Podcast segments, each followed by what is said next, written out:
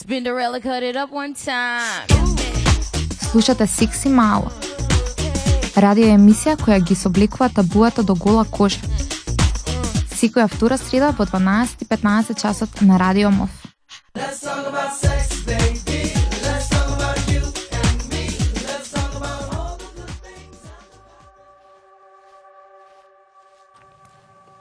Среда, 12.15, секси малци повторно во редовен термин. За прв пат годинава во студио јас и Лина. Здраво, здраво. А, може би не очекувавте малце подолго, меѓутоа секси малци приготвува доста интересни работи за ова нова 2018 година. На почетокот а, ви посакуваме нели нова година и нови почетоци на сите и може би многу нови а, нешта, искуства, радости, работи кои што ве прават срекни. Па вака, ова успешна година предпоставувам ќе биде за сите и така секси мало се еден новитет кој што за кој што ќе дознаете малку подоцна многу повеќе. Се надевам дека сезонава ќе ви бидеме уште поинтересни, дека ќе имаме добра комуникација и на фан страната и сега предлагам да одмориме со малку музика, па после да видиме што е новитетот, а и што спремевме за оваа емисија.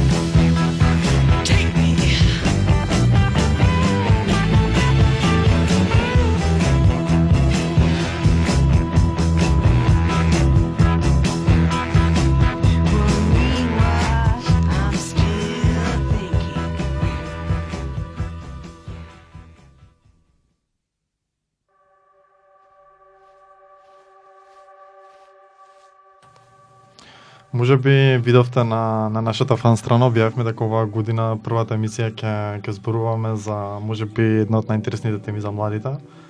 Ќе зборуваме за љубов, врски и секс.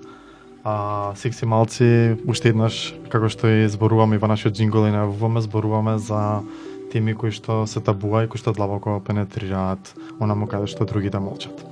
А, зборуваме првично ќе почнеме со оваа емисија ќе отвориме со можеби нешто кое што на дел од слушателите и слушателките им е познато, ако некогаш малку повеќе ги интересирало нешто да научат во однос на љубов, емоционална и сексуална привлечност. А, љубовта како како нешто кое што се случува помеѓу сите нас е движечка сила на секој индивидуум, односно идеал кон кој што се стреми секоја личност. А, љубовта е чувство што во секоја доба на човековиот живот е присутна и а, е интегрирано практично во секој човек, секоја единка и ни, има предизвикува нешто во нас кое што за момент не не остава рамнодушни, не не остава да бидеме во она може би така наречена комфортна зона. Постојат многу теории кои кои објаснуваат љубовта и ја ставаат во некакви дадени рамки, а, и многу филозофи се обидувале во минатото да ја дефинираат, меѓутоа и денеска многу луѓе се уште понатака пробуваат да извадат нови, посовршени и посеопфатни дефиниции во однос на љубовта. А, многу често е најдобриот опис и класификација на компонентите од кои што создадена љубовта, а, ја срекаваме во различни теории, И една од теориите за кои што ќе зборуваме денес, односно една од нештата кои што никогаш некој го споделил со нас, односно направил истражување, потоа успел да дојде до некаков заклучок е и Роберт Стенберг и неговата а, теорија, така наречена триаголна теорија на љубовта. Сигурно оние може би што не следат и се студенти на Институтот по психологија или на било кој институт од филозофскиот факултет ја учеле и знаат колку е комплексна за разбирање. Само накратко сега ќе објасниме што кои се тие три главни компоненти на оваа триаголна теорија на љубовта а, и ќе ве потикнеме да истражите зашто е навистина интересна, има доста информации на интернет кои што може да прочитате, има книга феноменална на Роберт Сренберг каде што детално ја објаснува и една навистина од најдобриот опис на љубовта според мене. Лина? А, па, еве јас на кратко ќе кажам што е опфаќа таа теорија. Лина, Лина ќе зборува бидејќи Лина и на факултет обожава да зборува за љубов, а и премногу самата треба да видите како зрачи во живо, може би не само преку радио Брановите на Радио Мов, кога станува збор за љубов и кога зборуваме за љубов. Алела. теоријата, нели, да се навратиме на теоријата, ја објаснува љубовта како композит од три различни компоненти, како што кажав, интимност, страст и посветеност. Интимност која опфаќа чувство на приврзаност, блискост и, и секако една поврзаност помеѓу партнерите, страст која е поврзана со сексуалната привлечност и посветеност која опфаќа на краток одлуки да се стане со, да се остане со друго лице на подолг рок, планови постигнување на цели целите со друго лице. Значи ова е една дефиниција од три компоненти која што како што кажав мита така не е оставена само на овие три компоненти, еве сега ве мотивираме повторно да истражите и да видите што повеќе се работи, па може да ни пишате во пораки на фан страната на Секси Мало и ние да дознаеме нешто повеќе доколку не знаеме. Или може би едноставно да чуеме различни мислења, ставови што другите mm -hmm. мислат, односно имаат некаде прочитано или пак од своје искуство споделуваат кога станува спор за љубов. Нешто што е интересно е да споменеме дека и во Македонија а, и како луѓето размислуваат на оваа тема, воедно и академската фела. А кога станува збор за љубов, а, пред самата тема како тема представува предизвики а, во Македонија. Во Македонија е направено истражување а, под менторство на Елена Ачковска Лешковска од Институтот за психологија а, при Универзитетот Кирил и Методи. Во Скопје а, направено истражување од а, Златко Паздријан, а, кој што е психолог, а, ја истражува врската помеѓу некои од централните а, личности, а, централните особини на личноста и чувството на љубов.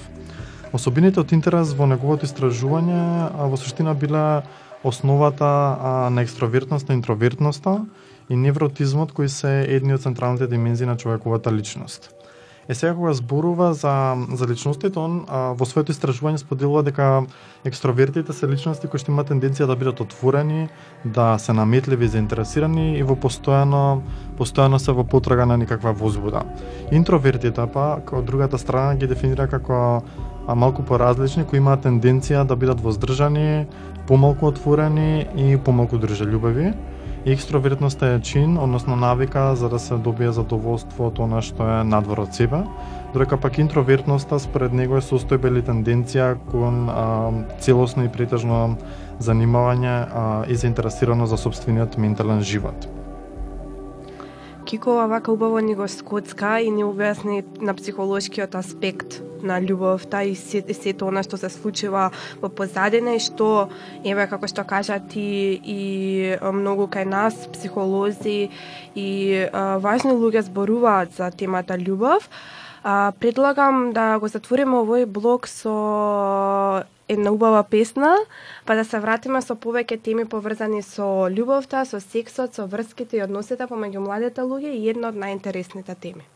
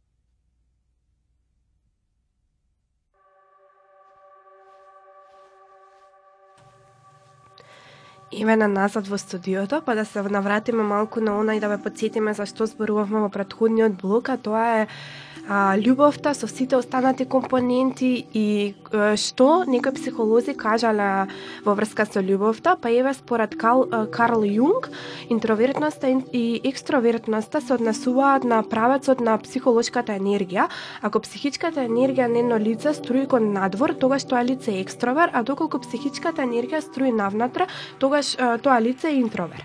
Екстровертните чувства, зголемување на психичката енергија при интеракција со голема група луѓе, додека пак чувствуваат намалување на пси, психичката енергија кога остануваат сами. Ова е една дефиниција за онаа разлика помеѓу интровертниот и екстровертниот човек, која што ја дава Карл Јунг. Подоцна како многу интересна тема која што се спо, се некогаш може би кај сретната поврзана со љубовта на некој начин е невротизам. Е, тоа е една од основните е, лични особености која што се манифестира како трајна тенденција да се доживеат е, негативни емотивни состојби. Поединците кои имаат висок степен на невротизам почесто доживуваат страв, лутина, вина и депресија. Невротизмот е поврзан и со ниска емоционална интелигенција која вклучува емоционална регулатива и, кон, е, и контрола, мотивација, интерперсонална и интерперсонални вештини со еден збор. Uh, едно истражување излезе за Поздријан, кој што беше спомнат во претходниот блог. Uh, тој се обидел да даде одговор на некои од следниве прашања, а може подоцна и Кико да ни каже што подетално било анализата која што била добиена од овие прашања, тие била дали постојат разлики во застапеноста на компонентите на љубовта кај лица со различно ниво на димензијата екстровертност и интровертност и дали постојат разлики во застапеноста на компонентите на љубовта кај лица со различно На ниво на невротизам. А, Фала ти, Лина. А, Во однос на ово истражување, Паздријан а, дава прво ги поставува овие две прашања, потоа а, дава одговор, односно што анализата, кои резултати ги дала анализата. А, тој заклучил дека не постои разлика во застапеноста на компонентите на, на љубов кај екстровертните и кај интровертните лица, што значи дека а, темпераментот на луѓето не влијае врз развојот на, на љубовта или пак на начинот на кој што таа се доживува и искусува. Не, нема разлика во однос на страста, дали некој лице интроверт или екстроверт. Исто така во, во самите резултати се заклучува дека не постои разлика во застапеноста на компонентите страс и интимност во однос на невротизам. Што значи дека лицата со повисок невротизам и оние кои што и оние кои имаат понизок невротизам може да бидат подеднакво страсни и интимни. За разлика од овие две компоненти пак, а, постои разлика во застапеноста на посветеноста кај лицата со повисок степен на невротизам и оние со понизок степен. А, ова може да самите резултати може да се толкуваат на на два начини, така и во самата студија во истражувањето пишува. Еден од од начините, еден една од толкувањата е дека оние со повисок повисоко ниво на невротизам поради некаков страф или анксиозност, може би поради осаменост, може би поради губење на партнерство, партнерот, може би поради сиг, а, несигурност, а, сигурност, пардон, или некои слични а, нешта кои што може да влијаат, се повеќе а, се повеќе посветени од оние лица со понизок невротизам. Аналогно на на то на ова кое што претходно го кажав, може да се увиди дека и оние лица кои имаат помало ниво, а токму поради поголемата сталоженост и смиреност, бидејќи можеби малку поинако ги прецепираат работите, ги ги артикулираат и потоа ги враќаат назад кон општеството и кон партнерот, може да развијат посветеност кон врската, а, и да бидат а, да, да имаат некаква врска која што има квалитет и која што е лојална, односно партнерите се лојални еден кон друг. А, исто така а, Паздријан, она која што е важно да да се сподели во во студијата која што го кажува е дека а, во ово истражување сите три компоненти на љубов се застапени кај лицата со различен степен на екстровертност и интровертност и кај лицата со различно ниво на невротизам. Ова е ова е само еден добар показател да да кажеме дека љубовта е универзална за сите и дека љубовта е нешто во кое што можеме да уживаме сите.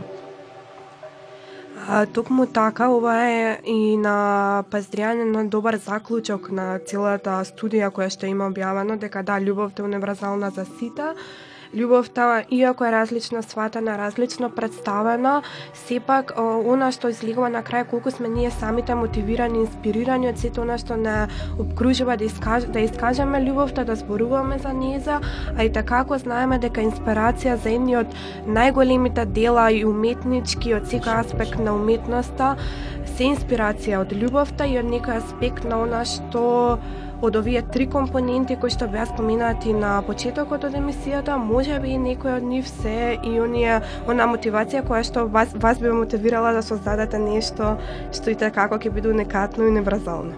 Како велат, луѓето творат малку повеќе кога имаат наплив на емоции и најчесто најчесто најдобрите дела излегуваат кога нешто поинаку се случува во нас и уживаме во тоа.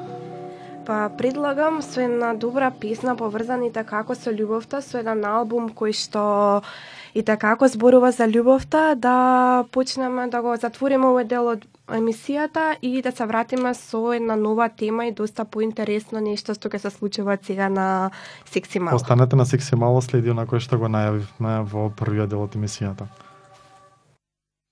Cross my heart, hope to die. To my lover, I'd never lie. True, I swear I'll try. In the end, it's him and I. He's got his head, I'm on my mind. We got that love, the crazy kind. I am his, and he is mine. In the end, it's him and I. My 65 I. speeding up the PCH, a hell of a ride. They don't wanna see us make it, they just wanna divide. 2017, Bonnie and Clyde. Wouldn't see the point of living on if one of us died. Yeah. Uh. Got that kind of style everybody try to rip off. YSL dress under when she take the mink off. Silk on her body, pull it down and watch it slip off. Ever catch me cheating, she would try to cut my. Crazy, but I love her, I could never run from her. Hit it, no rubber, never would, no one touch her. Swear we drive each other mad, she be so stubborn. But what the fuck is love with no pain, no suffer? Intense, this shit it gets dense. She knows when I'm out, I feel like she could just sense. If I had a million dollars, it was down to 10 cents. She be down for whatever, never gotta convince. You know? Hope to die to my lover. I'd never lie. love you, Said baby. be true. I swear I'll try. In the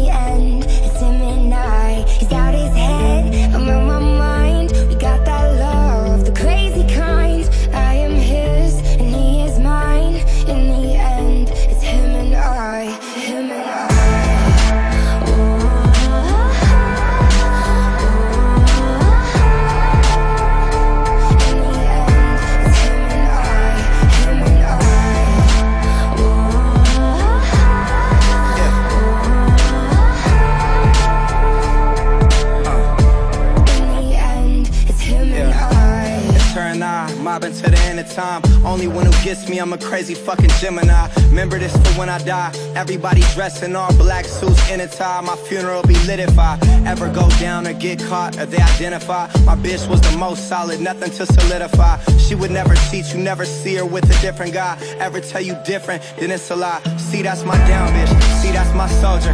She keep that thing thing. If anyone goes there, calm and collected. Keeps her composure, and she gon' ride for me until this thing over. We do drugs together, fuck up clubs together, and we both go crazy if we was to sever. You know, we keep mobbing, it's just me and my bitch. Fuck the world, we just gon' keep getting rich. You know. Cross my heart, hope to die. To my lover, I'd never lie. Said be true, I swear I'll try.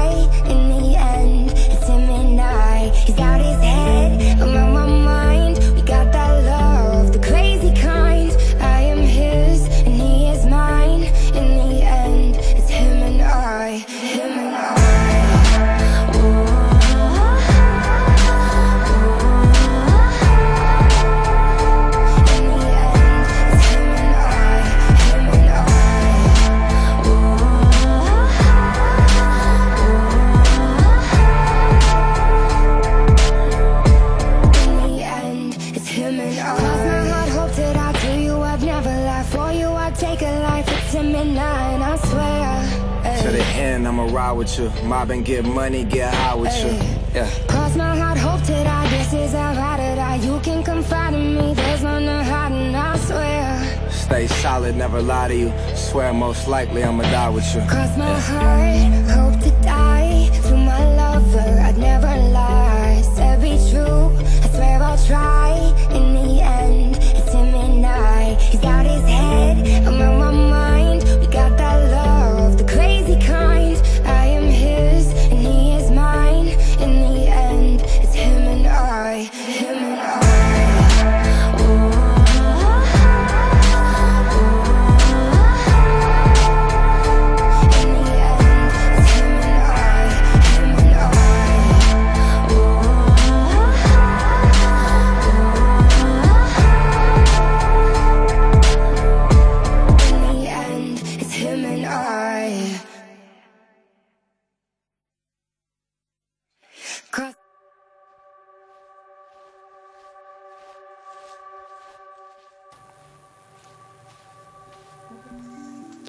Еве конечно и она што го најавивме на самиот почеток на емисијата, а тоа е секси малци конечно известуваат што на овие теми информираат се случува во светот, односно темите поврзани со а, сексуални репродуктивни права, женски права, еднаквост, активизам, млади, контрацепција и многу друго. Ако сакате да дознаете што новија теми зборуваат младите низ цела Европа, па и во светот, вие сте на вистинското место, а токму она што за прв, прво го издвоивме во овој нов блок на секси мало е дека по втор пат оваа година на 20 јануари се организираше маршот за жените, проследен како еден од најмасовните настани за изминатите години, кој успеа да собере 5 милиони подржувачи кои се приклучија во исто време во повеќе делови на светот. Еден од најмасовните беше во Вашингтон САД. Маршот се застапува за унапредување на човековите права, особено за правата на жените, реформи за имигранти, реформи за здравствена нелга, LGBT плас права, и- еднаквост, работнички права. Фокусот за оваа година беше ставен врз тоа да се охрабрат жените да гласат, да се номинираат и активно да учествуваат во политиката и активизмот.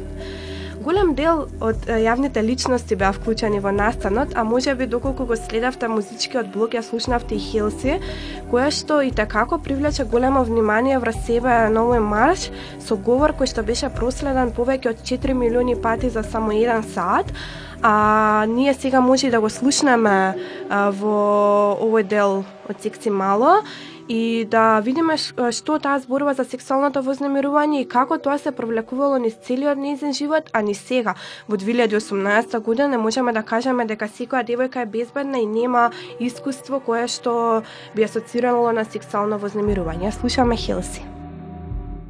Hello, hello. How are you guys? So, um, this is my second March. I was in DC last year, and uh, I came back to write, to do a speech this time, but I don't really know how to do a speech unless it rhymes. So, I'm gonna do a, a little poem for you guys.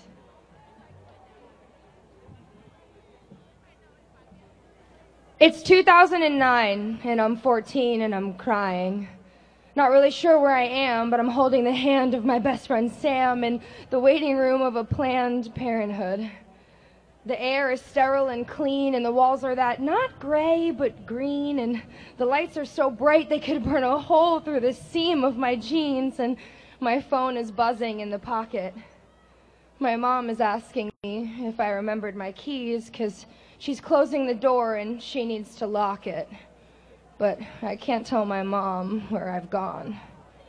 I can't tell anyone at all.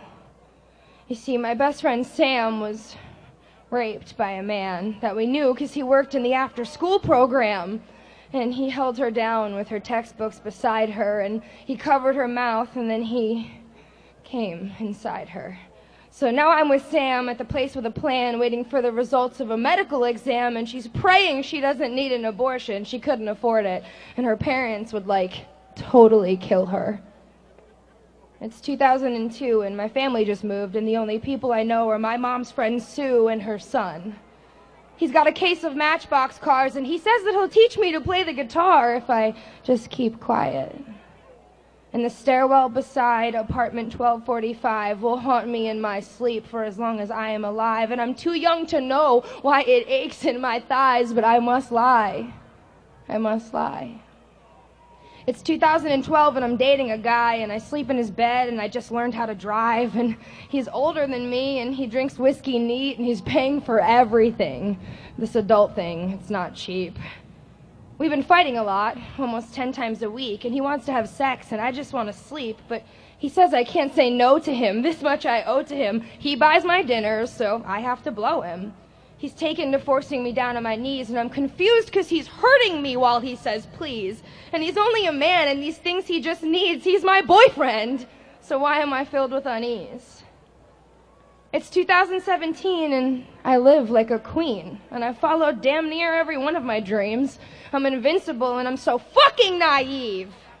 I believe I'm protected because I live on a screen. Nobody would dare act that way around me. I've earned my protection, eternally clean until a man that I trust gets his hands in my pants. But I don't want none of that. I just wanted to dance, and I wake up the next morning like I'm in a trance and there's blood. Is that my blood? Oh, hold on a minute. You see, I've worked every day since I was 18. I've toured everywhere from Japan to Mar-a-Lago. I even went on stage that night in Chicago when I was having a miscarriage. I mean, I pied the piper. I put on a diaper and sang out my spleen to a room full of teens. What do you mean this happened to me? You can't put your hands on me. You don't know what my body has been through. I'm supposed to be safe now. I earned it. It's 2018 and I've realized that nobody is safe long as she is alive. And every friend that I know has a story like mine. And the world tells me we should take it as a compliment.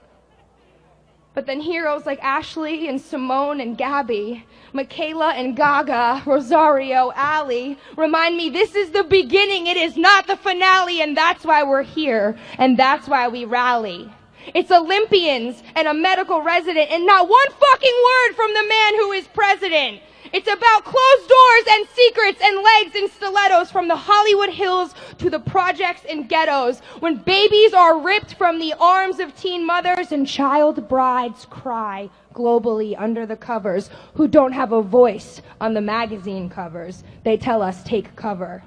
But we are not free until all of us are free. So love your neighbor. Please treat her kindly. Ask her her story and then shut up and listen. Black, Asian, poor, wealthy, trans, cis, Muslim, Christian, listen, listen, and then yell at the top of your lungs. Be a voice for all those who have prisoner tongues, for the people who had to grow up way too young. There is work to be done. There are songs to be sung. Lord knows there's a war to be won. Thank you.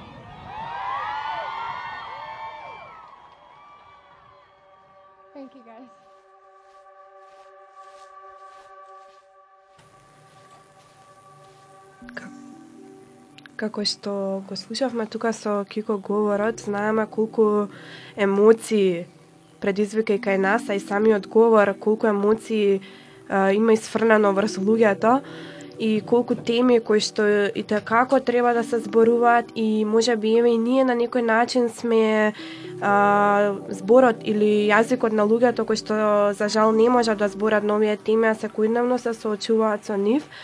А, феноменално споена поема, а, многу моќна, а и а, пред се не одсвестува на еден начин дека ова се теми кои што на секој се случуваат, кои што секој има нешто да каже, а и кампањата во Македонија поврзана со сексуалното вознемирување под мотото сега кажувам, која што предизвика бум на социјалните мрежи, имаше голем број на активисти, голем број на девојки, момци кои што споделуваа приказни на сега кажувам, создадоа нова перспектива на сексуалното вознемирување и се надевам дека кампањата ќе произлезе со она што конечно ќе се освестиме за темите, конечно ќе кажеме стоп на сексуалното вознемирување, А, она што како мото се движеше низ кампањата на социјалните мрежи е дека вработените жени добиваат непристојни понуди од предпоставените, студентите биле повикувани на дополнителни консултации, насамо со професорите, ученички во основно и во средно трпеле дофрлување од наставниците, а општеството сето тоа го толерирало и го поддржувало ни шеги, кои што и така како ги слушаме кога и ние се знаеме и онака во нашето општество да направиме шега од некоја озбилна ситуација и да го свртиме незиното значење, па тоа и тата, како да низ генерации и генерации така да се сопровлече без никаква никаков ефект. Сега кажуваме кампањата која што имаше сведоштва од девојки и жени во Македонија кои што споделуваа на социјалните мрежи со хаштагот сега кажувам. Кампањата ја организираат неколку независни активисти потикнати од светското случување по скандалите што ги потресоа прво Холивуд со сведоштвата за однесување на продуцентот Харви Вайнштайн Вајнштајн и Ана, Ана Василен, Василева е една од активистите во Македонија која што се приклучи и се, мислам дека и во пред 2-3 години беше гостинка во Секси Мало, изборувавме Да. на оваа тема и тука. А, па можете на, на Mixcloud, на страната на Секси Мало да најдете емисијата и да слушнаме со Ана Василева и што зборувавме со незе. Она е тоа што се случуваше за на проектот сега кажувам. Јас само би, би додал што е она кое што Ана а, го издвојува како цел, односно фокус на, на оваа кампања во Македонија. А, ќе ја цитирам директно. Вели целта е да се стави во фокус и да се денормализира насилството и микроагресиите што се вршат врз жените и девојчињата, како и да се предизвика културата што го има имплицитно и суптилно го негува и надградува така нареченото а, да се предизвика самата култура која што извинета, како што како и да се предизвика културата што имплицитно и суптилно го негува и надградува тоа фраерско и токсично машко однесување.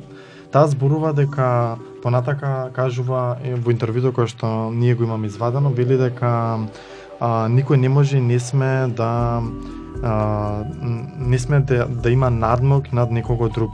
Ова е само порака која што доаѓа од жртвите кои што претрпеле насилство и а, а, артикулира јасно и гласно дека иако може би правниот систем а, нема како или може би не, не, не идентификува низ начин како другите луѓе кои се предизвиците, односно што е тоа што се случува, треба некој да ги чуе сите оние жртви кои што изминативе денови, во период директно на социјалните медиуми споделија кои се нивните приказни, што све се случувало во рамки на сега кажуваме гласното артикулирање на нивните приказни.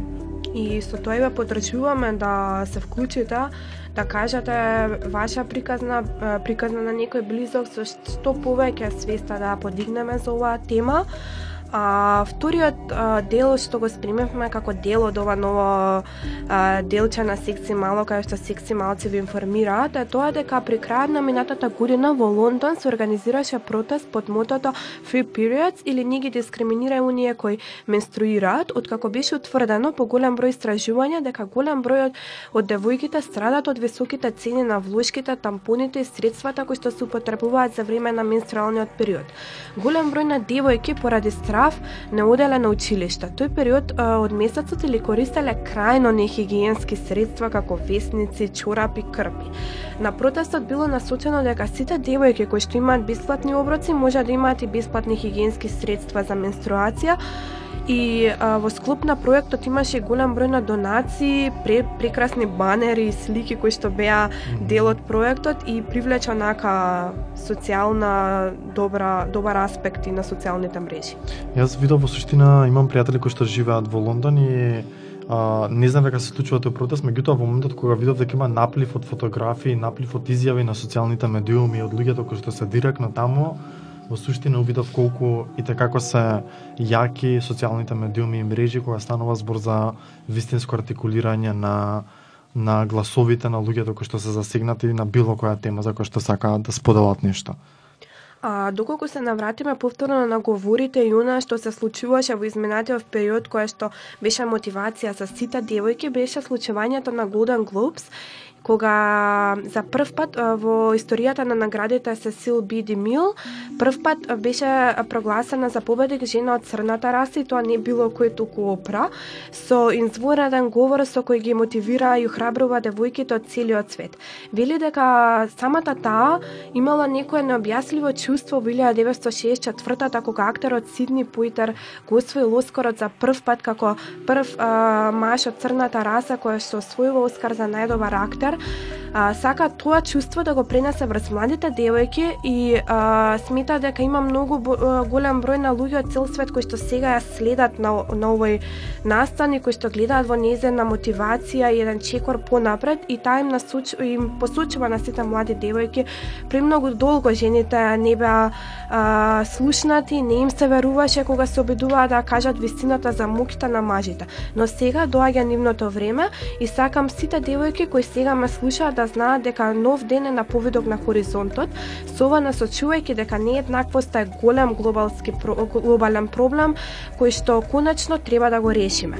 И така како и во Македонија можеме со овој факт да кажеме дека и во Македонија не е најсне- најсјајно полето на еднаквоста, се уште имаме нерамноправни плати, се уште имаме дискриминација врз жените, дискриминација а, околу професијата, околу изборот на а, тоа како ќе се движи животот професионално или приватно. Она што пак во Хера се случуваше изминатава недела, а, да се намали, а, нам, намали го ризикот е слоганот на тековната Европска недела на превенција на ракот на грлото на матката. Најчесто тоа е последица на инфекција со ХИВ, која е а, многу често сексуално пренослива инфекција. По Само 70 извини ли малце да коригирам со со инфекција на ХПВ, да не настане збунка, да да не ги да не излезе збунка во однос на слушателите а, која инфекција се работи за да не предизвикаме општа паника која што можеби не е вистинита. Извини. се извинувам да ХПВ, многу честа сексуално пренослива инфекција, во 75 од случаите а, ракот на грлото на матката може да се спречи и тоа со навремен пап тест. Па затоа ви препорачуваме тестирајте се, посетувате а, редовно гинеколог и уролог и слично. А, само што еднаш да да ја да артикулираме јасно и гласно за за сите оние кои што се засегнати. Младинските центри сакам да знам на Хира се тука. А, во младинските центри сакам да знам на Хира можете да добиете бесплатни услуги за млади. Можете да посетите гинеколог, можете дерматовенеролог, можете да се тестирате за ХИВ, можете да поразговарате за психолог во однос на а, што е на кое што вас ви е важно да поразговарате, може би љубов која што денеска неколку пати ја споменавме во рамки на емисијата. И секако не заборавајте дека младинските центри се тука за вас младите да а, ги посетите да можете да а, се информирате или да додете до вистинска информација во вистинско време во однос на тоа што се случува, а вас ве засега. А, ако ги кажеме фактите во Македонија кои што пак зборуваат за овие теми се навистина страшни и можеме по наредниот блок музика како одјава да кажеме каква е ситуацијата во Македонија на овие теми, каде сме со бројките, каде сме со статистиката и дали нешто се променило од претходниот пат.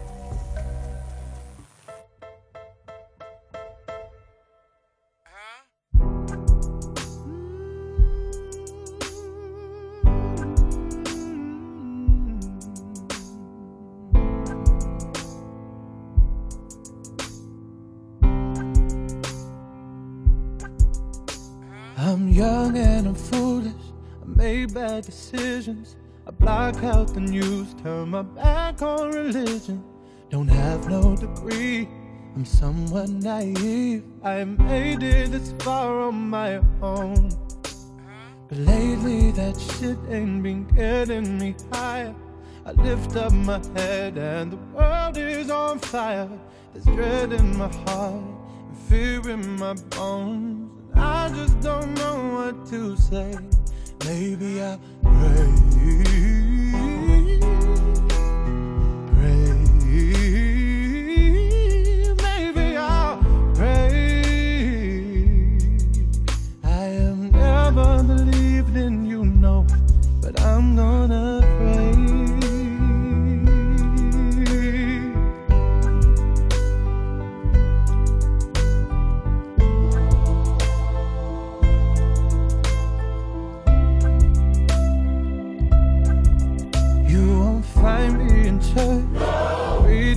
Bible. I am still here and I'm still your disciple. I'm down on my knees.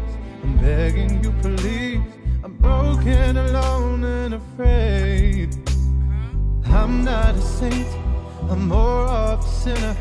I don't wanna lose, but I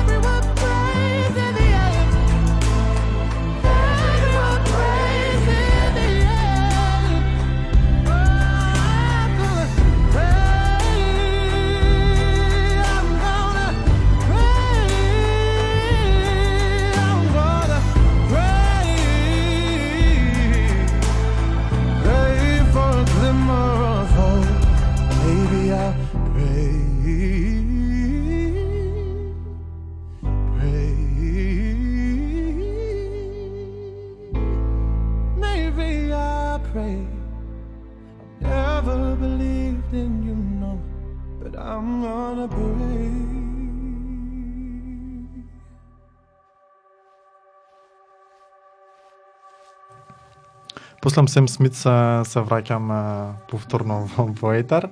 А, ви благодариме на сите кои што ни пишувате, бидејќи до овој момент а, инбоксот на Лина и мојот инбокс, а водно инбоксот на Секси Мало е полн со пораки. Ве поздравуваме сите кои што не слушате во овој момент. А, она кое што за крај би сакале да, да го споделиме со вас е дека за жал а, во Македонија се уште сме свесни дека помеѓу младите луѓе а, не допираат точни информации кога станува збор за сексуалниот однос и кога станува збор за врските, љубовта и можеби за самиот интеркурс. А, во, Македон, во Македонија, а, за жал се уште а, заради можеби погрешни информации или недостапност до информации, неинформираност кај младите, се уште најупотребуван контрацептивен метод е pull-out методот, односно методот кој што а, практично а, а, пенисот се вади пред да јакулира во, во вагината. А, и а, младите се уште мислат дека ова е најефикасно решение како да да спречат некое а, случување во доколку а, се одлучни дека не сакаат да да креираат а, во тој момент семејство, односно да има плод. Забележано е дека голем дел од младите во Македонија не се спремни да зборуваат за сексот со своите партнери, така што одсуствува една од главните компоненти, а тоа е комуникацијата. Употребата на контрацептивното средство се менува од почетокот па се до одреден период во врската кај што повеќе не се користи. Голем број на млади можат и да го потврдат ова. Многу млади на ова би одговориле дека тука игра улога и довербата, но колку на вистина довербата е поврзана со користењето на контрацепција и последиците, ве оставаме да размислим, да размислите самите. Фактот за Македонија, фактите за Македонија се едни од најслабите кога станува збор за контрацепција во регионов, а и секаде. Само 1,6% од девојките користат орална контрацепција, само 12% од младите кои се во врска користат контрацепција или било каков метод на контрацепција. Во школа само 21% од младите учеле барем за едно контрацептивно средство и само 11% од младите девојки користат било каков метод на контрацепција.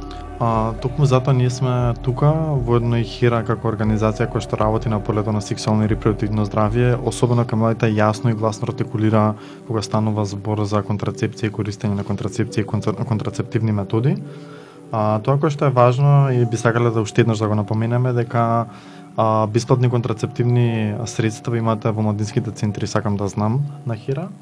А, и она кое што а, со сигурност треба да го направите да се информирате од а, вистински извори во вистинско време, кој е најсоодветен метода да го користите, а воедно и да, доколку имате прашања, ги поставите директно кај луѓето кои што знаат, да не се информирате по луѓето кои што се експерти во полето на здравје, и особено во полето на сексуално и репродуктивно здравје и да не се информирате по форуми, различни интернет сајтови каде што можете да пронајдете се и се што бидејќи понекогаш медиумите а, за да дојдат до момент на на слушаност, гледаност и читатели, може би шират информации кои што не се баш во целост така или може би воопшто не се точни. Оваа тема последнава за користењето на контрацепција е супер заклучок кога зборуваме за сексот, за љубовта и врските. Иако ја почнавме со психологија, потоа продолживме за нешто поинтересно што се случуваше во светот, сепак контрацепција, контрацепцијата во Македонија и овие страшни бројки се оние кои што на крајот од денот ќе одлучат за нек нечи живот можеби и се оние на кои што треба да се фокусираме. И конечно еве во нареднава емисија да се променат овие бројки и еве на пример делот со само 1,6% од девојките користат орална контрацепција, конечно да ги разрушиме сите оние митови кои се стојат позади неза и овој број да се зголеми за да можеме со нешто и ние да кажеме дека сме окей и дека добро стоиме на некоја поле.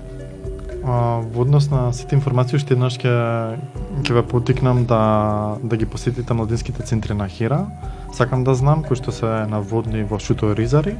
Исто така доколку имате прашање може да ги поставите на фан пејџот на Сикси Мало или едноставно да пишете на фан страната на Хира Марија Вагинолог кои што со задоволство ќе ги проследат вашите прашања до експертите во полето на сексуално и репродуктивно здравје, до лекарите кои што ќе ви дадат навремен и точен одговор во однос на тоа кое што вие сакате да знаете повеќе. А, Може би а, ова беше последното нешто за оваа емисија. Ви благодариме што не во првата емисија во 2018 година. Следете ни понатаму на Секси Мало на фан страната. Следете ги Хира Млади што прават во полето на млади контрацепција, сексуални и репродуктивно здравје и права во целост. И не забравајте дека можете да не преслушате на Mixcloud доколку сте ни спуштиле во редовниот термин кој што го имаме секоја втора среда 12:15 на Радио Мов. Само да ги поздравиме сите оние кои што се во секци мало, а не се тука денеска во Радио Мов. Посебен поздрав со нив.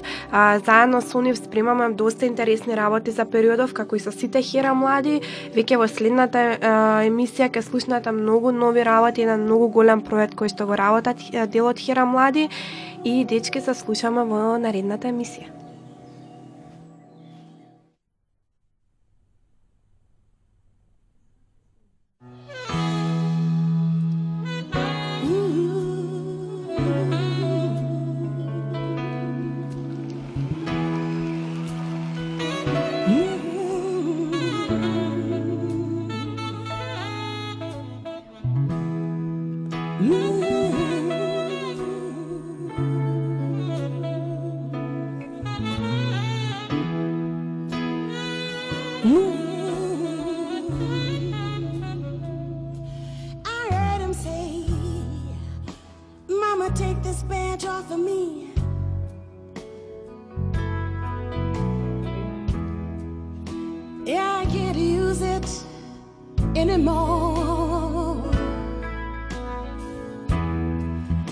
It's getting dark,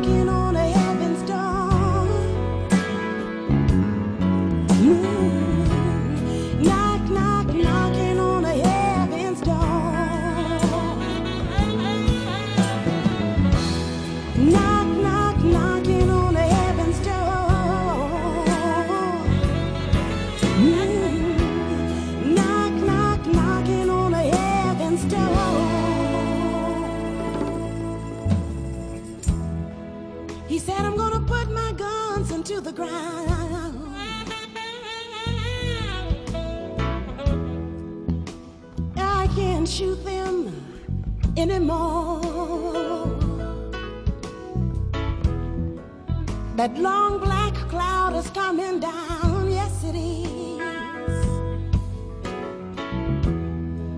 And I feel like I'm knocking on heaven's door,